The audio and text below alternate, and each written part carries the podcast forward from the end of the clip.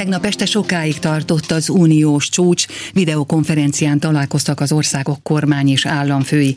Elsősorban a vakcina beszerzésről volt szó. A stúdióban köszöntöm Orbán Viktor miniszterelnököt. Volt olyan uniós tagállami vezető, aki nem kérte számon Brüsszelen ezt a nem túl szerencsés vakcina beszerzést? Hogy látja? Jó reggelt kívánok, tiszteltek, köszöntöm a hallgatókat. Ugye ilyen tanácskozásokat nem látják a választópolgárok, úgyhogy kevés közvetlen információjuk van arról, hogy mi is a brüsszeli politikának a belső kultúrája. Egy magyarnak furcsa egyébként. Azért 11 néhány éve nyom az ipar, tehát nagyon sok találkozón vettem részt, és ugye a magyar kultúrában az úgy van, hogyha ha elkezdünk beszélni valamilyen feladatról, akkor megnevezzük a problémát, megnevezzük az okokat, és utána megvitatjuk, hogy hogy kell kijavítani a hibát. Tehát a magyar nyelv, magyar kultúra napja van, nyelvében él a nemzet, ugye? A kultúránk alapját is ez adja, tehát a, a magyar nyelv az szíve közepébe megy a problémának. Most a Brüsszelben ezt nem, így nem szabad csinálni, tehát ott másképp kell, az inkább a francia királyi udvarnak a kultúrájára emlékeztet, ott van egy verseny, hogy ki tud kedvesebbet, nagyvonalúbbat, elegánsabbat, pozitívan mondani saját magunkról, az unióról. Tehát ott nem lehet azzal kezdeni, hogy van egy problémák és meg kéne oldani, hanem hosszan kell arról beszélni, hogy az Európai Unió jó, az Európai Unió szép, ha nem lenne, akkor sokkal rosszabb lenne mindenkinek, és ha ezek mind túl vagyunk, mint egy ilyen királyi fogalom, akkor utána megérintjük különböző mélységig hatolva a problémákat. Tehát ez egy magyar embernek egy kicsit frusztráló ez az egész dolog, de hát Istenem, nem vagyunk egyformák, 26 ország ül ott, ez 26 különböző kultúra. Tudomásul kell vennünk, hogy ebben a nyelvi közegben kell végezni a munkánkat. Na most a, ez tegnap is így volt. Tehát ha azt mondtam volna, ami az igazság, és ilyen nyers magyar módon, hogy de emberek, az nagyon jó, hogy mi elvégezzük a munkánkat, és itt összességében pozitívan nyilatkozunk a történtekről, de hát Nagy-Britániában sokkal több embert oltottak be. Izraelbe sokkal több embert oltottak be. Oroszországba is több embert oltottak be, a kínai vakcinával is több embert oltottak be. Közben itt sok betegünk van és halottunk. Nem kéne szembenéznünk a tényel, hogy valamit elrontottunk, hogy valami nincs jó. Tehát így nem lehet. Hanem azt a kérdést kellett föltenni, amit a v nevében a lengyel miniszterelnök föl is tett, ő beszélt a nevünkben tegnap, hogy hát ha a briteknek jó az AstraZeneca nevű készítmény, és ott már több millió embert beoltottak vele, és az engedélyt kiadták két hónapja, akkor miért nem jó az európaiaknak? Hogy a brüsszeli hatóság miért nem adja ki az engedélyt erre a vakcinára? Hogy nem adja ki a kínaira, meg az oroszra, ott van egy politikai, ideológiai, meg talán még üzleti érdek is, meg ellentét. Na de ez egy brit hatóság által jóváhagyott, nyugati hatóság által jóváhagyott vakcina. És a vakcina élet. Tehát ez nem, mondjam, nem egy okoskodás, meg technikai kérdés, mert emberéletek múlnak rajta. Minél hamarabb van vakcina, annál több ember tudunk megmenteni. És erre és van minden, válasz? És minden élet számít. Hát mindig van válasz. Tehát azt tegnap megtudtuk, hogy mi a magyarázata annak, hogy ez ilyen lassan megy. Én nem vagyok udvariatlan ember, tehát nem gondoltam, hogy föl kell borítani az asztal, de az a véleményem, hogy nekem nem, meg a magyaroknak nem magyarázatra van szükségük, hanem vakcinára és nem jön Brüsszelből, akkor kell szerezni máshonnan. Szép dolog az európai egység, ezt én nagyon nagyra értékelem. Az is fontos, hogy segítsük egymást, az is fontos, hogy a megállapodásokat tartsuk be, de az nem lehetséges, hogy azért halljanak meg magyar emberek, mert a brüsszeli vakcina beszerzés lassú. Ez egész egyszerűen nem fogadható el. Vakcinát kell szerezni, tegnap volt, illetve szerdán volt kormányülésünk, fölhatalmaztuk a külügyminisztert, ma Moszkvában van, kiadták a hatóságok az AstraZeneca-ra, tehát a Angliában használt oltóanyagra az engedélyt, kiadták az oroszra, vizsgálják a kínait, vakcina kell, mert az jelenti az életet, aláhúzom újra, minden élet számít, ez pedig a vakcinán múlik. No, de megkötött Brüsszel bizonyos szerződéseket, például a Pfizerrel. És most a Pfizer nem olyan mennyiségben szállítja az országokba az oltóanyagot, mint ahogy megígérte. Lesz ennek következménye? Hát mondtunk ott hegyeseket eh, erre nézve, hogy tartsák be a szerződést a gyártók, és így tovább, de ugye ez olyan, mint a gazdaságpolitika. Tehát lehet eh, kérincsélni, meg felszólítani valakit, de a verseny az egyetlen olyan dolog, ami kikényszeríti a megfelelő magatartást. Ha csak egy vakcinát vagy kettőt engedélyezünk, a, az nem teremt versenyhelyzetet. Az a jó, ha minél többet engedélyezünk. És akkor majd megmozdulnak a gyártók, mert ha ő nem szállít, szállít valaki más. És ha valaki más szállít, akkor ő elesik ettől az üzleti lehetőségtől. Egyébként is nem pontosan értem, hogy milyen gazdasági összefüggések vannak itt a vakcina beszerzések hátterében. Csak azt látom, még egyszer mondom, bizonyos cégeknek millió szám állnak a raktárába a vakcinák, Brüsszel nem adja ki az engedélyt, ugyanezzel a hatóanyaggal már oltanak Kanadában, Izraelben, meg, meg Angliában. És speciál ennek a vakcinának az ára jóval olcsóbb, mint az éppen már forgalmazott vakcinának az, hogy e közö, e, ezek között a tények között milyen összefüggés van, és van -e ennek gazdasági, gyógyszergyártó cégek közötti verseny összefüggése, és ez beére valahogy a politikai döntéshozatalba, erről innen messziről, Brüsszel mégiscsak 1700 kilométer, nekünk nincs világos képünk. Egy dolgot tudunk, hogy ne is érdekel bennünket valójában, minél több vakcina legyen Magyarországon, operatív törzső jövök, ott kezdtünk ma reggel, ott is ezt mondtam, hogy vakcinát, vakcinát, vakcinát. Igen, de hát azért a szerződések átláthatóságáért szokott Brüsszel mindenkit fenyegetni, és ők meg nem teszik lehetővé, hogy akár ezt mondjuk az európai parlamenti képviselők is láthassák. De ha visszatérünk oda, hogy ön említette azt, hogy a Magyar Egészségügyi Hatóság megadta az engedélyt az AstraZeneca-ra és a Sputnik vére, nem lesz ebből baj? Bár ugyanakkor meg ott van az, hogy talán meg is lepődtek az Európai Bizottságban vagy az Unió vezetői között azon, hogy Angela Merkel mondta azt, hogy ő szeretné segíteni, hogy ezt a vakcinát elismerjék és engedélyezik. Segítséget nyújtan ehhez Németország.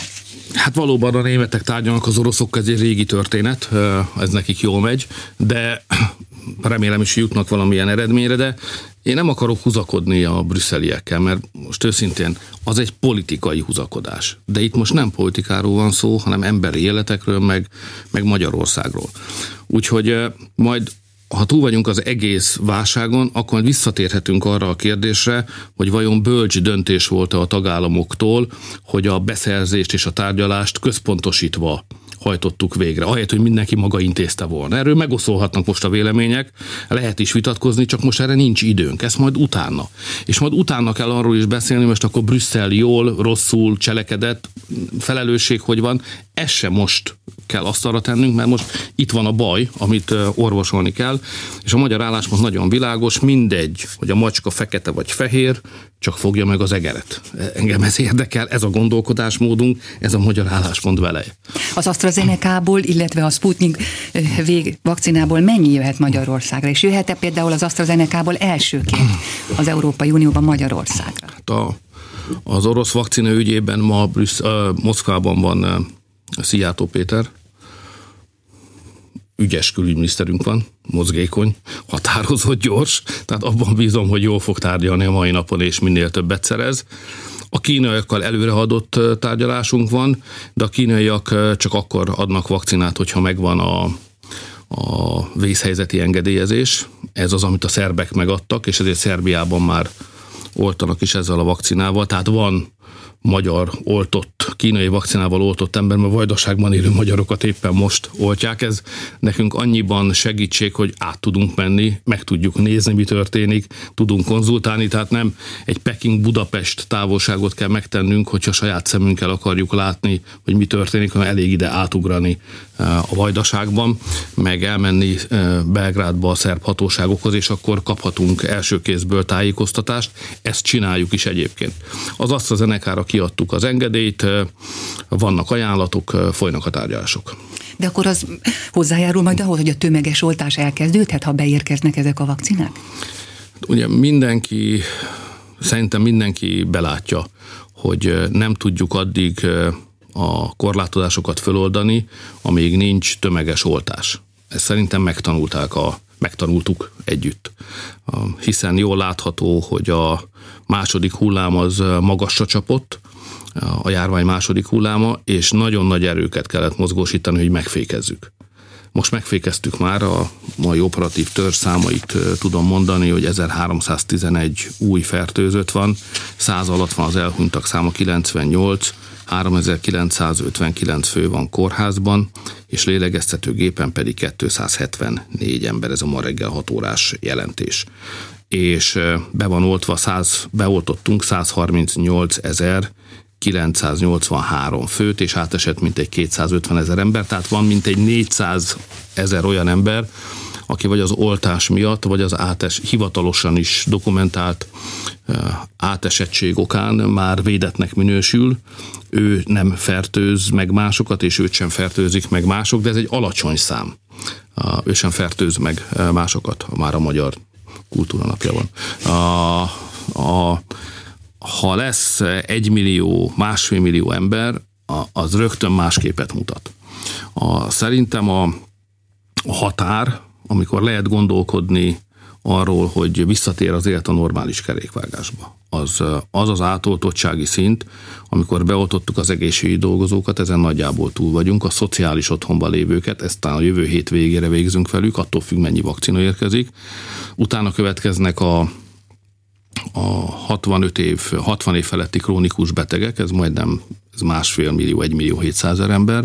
Utána jönnek a védekezés egyéb szereplői, operatív törzs, rendőrök, katasztrófavédelem. Itt jövök én is, meg itt jön a kormány is, tehát majd itt ez a, ez a mi kategóriánk, ekkor kerül ránk sor.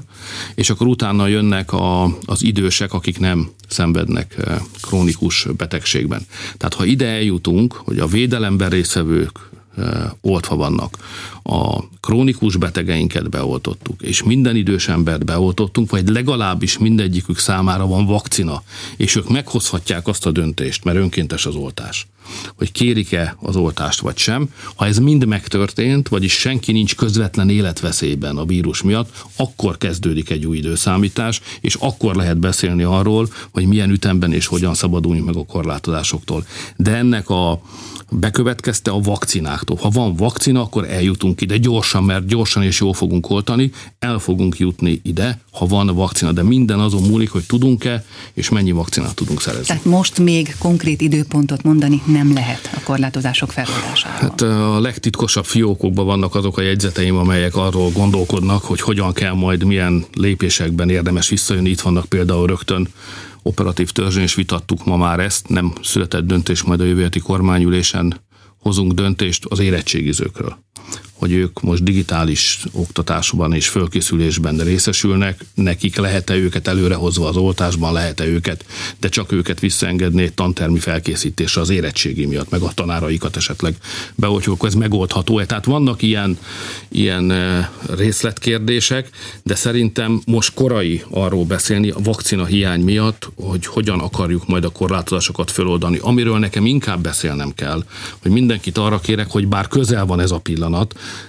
de nem mindegy, hogy azt a pillanatot, amikor föloldjuk a korlátozásokat, milyen állapotban érjük el. Fegyelmezetten, lefogva, leszorítva tartva a vírust, vagy ismét egy harmadik hullám áldozataként. Ezért mindenkit arra kérek, hogy még nincs föloldás, Tudom, hogy nehéz, mégis kérem, fogadják el ezeket a korlátozásokat, és tartsuk be azokat a szabályokat, aminek a segítségével sikerült először tavasszal megfékeznünk az első hullámot, és most össze sikerült megfékeznünk a másodikat is.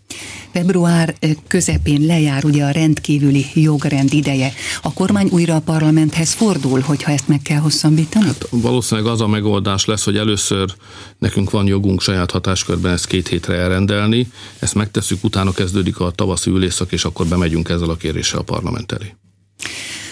Ha a korlátozások feloldása ahhoz köthető, hogy elinduljon a tömeges oltás, akkor fölmerül a kérdés, hogy vajon a gazdaság újraindulása, illetve felpattanása az mikor kerülhet szóba. Éppen egy órával ezelőtt beszélgettünk Kovács Árpáddal, a Költségvetési Tanács elnökével, aki azt mondta, hogy ők ő, úgy látják a számok és az elemzéseik alapján, hogy 2021-ben visszapattanhat a gazdaság, de nyilván azt a 4900%-os bővülést, amit mondjuk 2019-ben produkált, az csak később, majd 2022-ben érheti el. A kormány hogyan számol? Hát Kovács Árpádot nagyon régóta ismerem. Egy mértéktartó ember. Mindig is irigyeltem a higgadságát, meg a nyugodtságát. Ő az, aki mindig óvatosan fogalmaz, és ha ő ezt mondja, az nagyon jó hír, mert miután ő nem vállal felesleges szellemi kalandot és kockázatot, amit ő mond, az majdnem biztosra vehető. Ami a közgazdaságtanban, ami az utóbbi évtizedben inkább lírai műfajnak bizonyult, nagy dolog. Tehát ha ő ezt mondja, akkor ezt tekintsük a minimumnak de az én reményeim ennél sokkal szárnyalóbbak. Tehát én sokkal többet remélek, sokkal többet szeretnék, és sokkal magasabb, gyorsabb növekedésért is dolgozom. De ha annyi bekövetkezik biztosan, amit ő mond, akkor már jó helyzetben vagyunk. De én ennél sokkal jobbat szeretnék. De ez nem egy olyan dolog, amiről vitatkoznunk kell, hanem csinálni kell, és majd akkor kiderül az év végén, hogy milyen, eh, mi történik. Most mielőtt a gazdaságban mélyednénk, a legfontosabb tanulságot, eh, ha megengedi, megvonnám a magunk számára. Tehát az nem engedheti meg magának egy komoly ország. És Magyarország mégiscsak egy komoly ország. Nem csak a múltja miatt, hanem a szellemi képességé miatt is. Hogy egy ilyen járvány idején kérincselni, meg kérincselni kelljen vakcináért mint ahogy rendkívül nehéz és méltatlan helyzet volt az is, hogy lélegeztető készülékekért kellett portyázókat kiküldeni a világ minden sarkába, a szélrózsa minden irányába, hogy életmentő eszközöket szerezzenek be. Ugye a lélegeztető készülékeknél be is indítottuk a magyarországi gyártást, tehát nem fordulhat elő még egyszer olyan helyzet, hogy nem tudunk itt Magyarországon annyi gépet legyártani, amire egy akármilyen gyorsan bekövetkező krízis helyzetben is szükség lehet. És hasonló helyzet a vakcinával is. Tehát ez nagyon fontos döntés, hogy a kormány elrendelte egy olyan vakcinagyár fölépítését, amely elég nagy lesz ahhoz, hogy bármilyen esetben, ha a tudósaink, az orvosaink, a professzoraink képesek kifejleszteni a vakcinát, akkor mi abból nagyon sokat tudunk gyártani majd. Ez a gyár Debrecenben épül föl, ennek a tervezése is szerintem megkezdődött már. Tehát van egy döntésünk arról, hogy még egyszer ez a kiszolgáltatottság nem állhat elő. Arra való a, a baj, hogy tanuljunk belőle. Az ilyen istencsapásai, mint a járvány, az, az mindig leckét is jelent a, egy ország meg egy nép számára. Ezt meg kell érteni, a következtetéseket le kell vonni és cselekedni kell, úgyhogy vakcina ügyben nem leszünk még egyszer ilyen kiszolgáltatottak. Most ami a gazdaságot illeti, a gazdaság kulcsa a munka. Tehát azok mindig azt kell nézni, én mindig azt nézem első helyen, hogy hogy állunk a munkahelyek számát tekintve. Ingadozás mindig van, de a legutóbbi adat az éppen fölfele ingadozott, ha szabad így fogalmaznom, és ezért az mondható, hogy többen dolgoztak decemberben, mint egy négyezerrel, mint a járványt megelőző utolsó decemberben ami egy fantasztikus teljesítmény a magyar gazdaság részéről. És ezért a magyar válságkezelés az arra épült az elmúlt 8-9 hónapban, hogy a munkahelyeket védjük meg. A munkahelyeket akkor lehet megvédeni, ha erősek a vállalkozások. Ezért a bankoknak el kellett tekinteniük, mint egy 3000 milliárd forint beszedésétől, mert hitelmoratóriumot rendeltünk el. A központi adókból majdnem 500 milliárd forintot lecsökkentettünk, az önkormányzatokat is rávettük, hogy csökkentsenek 180 milliárd forintnyi helyi iparűzési adót, mert az a lecke, amit megtanultunk a 2008-2009-es válságból, hogy válság idején nem megszorítani kell, hanem adót kell csökkenteni és fejleszteni kell. Ez védi meg a munkahelyeket. Ugye 2008-2009-ben és most nem akarok politikát csinálni, inkább csak egy közgazdasági, módszertani leírásként mondom, amit mondok. Az akkori kormányok, a gyurcsányféle kormányok, meg a bajnai féle kormányok egy olyan válságkezelést hajtottak végre, akkor elvették a 13. havi nyugdíjat az orvosoktól, pedagógusoktól egy havi bért, és így tovább, és így tovább, mert az volt a meggyőződésük, hogy a gazdaságot, a cégeket, meg a bankokat kell menteni, és ezért az emberektől kell forrásokat átcsoportosítani a gazdasági élet szereplőihez, bankokhoz, vállalkozásokhoz. És megszorítottak, és adókat emeltek. Na most ez nem vált be. Most az, a mostani kormánynak szerencséje van, mert ismeri ezt a szomorú történetet, és mi ezért nem az adó növelésére, hanem az adó csökkentésére, nem a bérek visszafogására, hanem béremelésekre. Egy válság idején hajtjuk végre a magyar történelem legnagyobb orvosbér emelését, éppen döntöttünk szerdán a házi orvosok bérének a rendezéséről is. A válság idén vezetjük vissza a 13. havi nyugdíj első részletét, válság idején indítjuk meg a valaha volt legnagyobb otthonteremtési támogatást, és válság idején fogjuk a fiataloknak lehetővé tenni a 25 év alattiaknak, hogy ne kelljen adót fizetniük, és még további családtámogató lépéseket tervezünk. Tehát azt akarom mondani, hogy mi megközelítésünk a válsághoz arról szól, hogy munkahelyeket és családokat kell menteni, és ha ez sikerül, a munkahelyeket sikerül megvédeni, amihez persze a vállalkozásokat, a fejlesztéseket kell támogatni, akkor túl tudunk jutni ezen a nehéz időszakon. Szerintem 2008-2009-es válságkezelés nem működött, egy tragédia volt Magyarország számára. A mostani válságkezelés nem csak, hogy működik, hanem új táblatokat is kinyit előttünk. Ha a magyar kormány megteszi azt, amit meg kell tennie ahhoz, hogy a gazdaság visszapattanjon, az nyilván nagyon jó dolog, de azért ott van az Európai Unió és az a gazdasági közösség, aminek mi a részei vagyunk. Hogyha nem lehet rendesen közlekedni a határok között, hogyha nincs ez a bizonyos oltási igazolás, vagy oltási útlevél, ugye még a nevéről sem lehetett dönteni, akkor azért az csak visszafogja a gazdaságot, nem? De kétség kívül dolgozunk azon, tehát a miniszterelnökökkel egy nagyon hosszú megbeszélést folytattunk arról, hogy kell-e valamilyen igazolvány, ami arról szól, hogy akik már átestek, meg, meg megkapták az oltást, a, azok számára valami könnyebb mozgást biztosítsunk. Ez Magyarországon is majd vita lesz, még nem vagyunk elegen védettek ahhoz, hogy, illetve nincs elég védett magyar ember ahhoz, hogy ez egy érdemi vita legyen, de majd ha millió fölé jutnak, akkor az lesz, hogy mondjuk ha van egy millió ember, aki már nem fertőz, meg őt sem lehet megfertőzni, akkor mondjuk értelmes dolog, hogy ők este nyolc után ugyanúgy nem mehetnek ki az utcára, mint azok, akik még bajba kerülhetnek a fertőzés miatt. De most még kicsi ez a szám, ezért a vita nem kezdődött meg, de itt van előttünk, amint elérjük az egy milliót, szerintem ez egy értelmes fölvetés. Most ugyanezek a, az összefüggések, hogy legyen egy kártya, ahhoz valamilyen határátlépési könnyebbség csatlakozzon-e, vagy Magyarországon majd belső könnyítés csatlakozzon-e, ez a vita, ez kezd megjelenni a horizonton. És az uniós vezetők álláspontja az volt tegnap, hogy valamilyen egységes adatbázist próbáljunk létrehozni, és az adatbázis alapján valamilyen regisztrációt valósítsunk meg, és ez alapján majd valamilyen igazolványt adjunk ki, ami majd valamire esetleg jogosíthat. Most egyelőre itt tartunk, tehát csak fölbukkant a horizonton ez a lehetőség, a, a konkrét válaszokra még, még várni kell.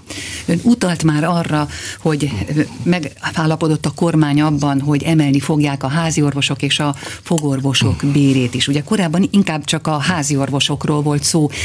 Milyen mértékben és milyen menetrend szerint emelik majd ezeket a béreket?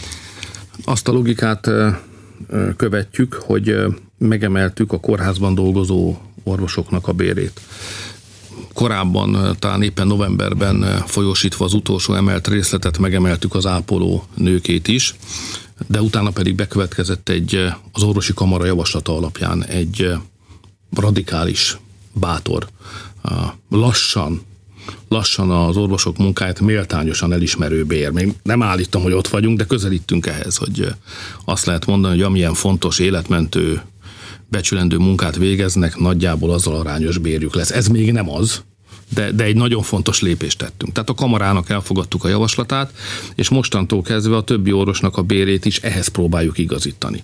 Most a házi, orvok, a házi orvosok esetében van egy olyan gondja Magyarországnak, hogy vannak betöltetlen praxisok. A praxis az a, az a felelősségi köre vagy ellátási körzete egy házi orvosnak. És hiányzik 4-500 házi orvos is a rendszerből. Ez azt jelenti, hogy vannak emberek, akik nehezen jutnak egészségügyi alapellátáshoz. Ezt úgy tudjuk megoldani, most arra ösztönözzük a házi orvosokat, hogy álljanak össze egymással, ezt ilyen bükkfaj vagy blikfangosan praxis közösségnek kell mondani az államigazgatás nyelvén, tehát arra kérjük őket, hogy fogjanak össze, és akkor fedjék le azt a területet is, ahol ma nincs házi orvos, és akkor nem marad ember ellátatlanul, alapellátás nélkül. És aki erre hajlandó, azok az orvosok, akik összeállnak, azok megkapják a kórházi orvosok bérének a 80%-át, de esetenként ez a százat is elérheti. Azok az orvosok, akik nem hajlandóak társulni, ők őrülük sem akarunk megfeledkezni, ők pedig meg fogják kapni a mostani bérük, mostani fizetésük és a kórházi orvosok bére közötti különbség 30%-át pluszban még. Tehát nekik egy ekkora emelés lesz. De mindenkit arra szeretnénk ösztönözni, hogy működjenek egymással együtt, és így fedjék le egészségügyi alapellátás szempontjából az egész országot. És a fogorvosoknál? Hát csak az a vita volt, hogy a fogorvos az a házorvosokkal azonos elbírás alá essen-e vagy sem. Erről volt egy hetekig tartó hosszú vita, a kormány megfontolta az érveket, és végül is nem látunk okot arra, hogy különbséget tegyünk, tehát a fogorvosokat ugyanúgy fogjuk kezelni, mint a házi orvosokat, ezek a béremlések rájuk is vonatkoznak.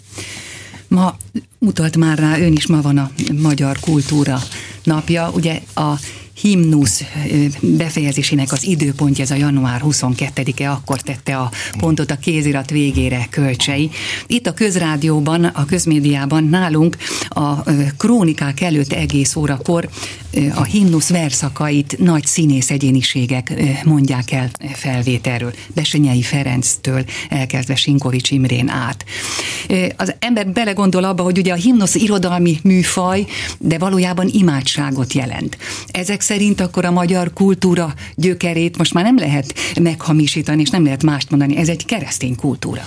Hát hogy ne, egy ráadásul a himnusz az műfajilag egy jeremiáda, ahogy tanultuk az iskolában. Tehát egy olyan imádság, amelyben saját magunkat kárhoztatjuk azokért a csapásokért, amiket ránk mért a Jóisten a bűneinkért.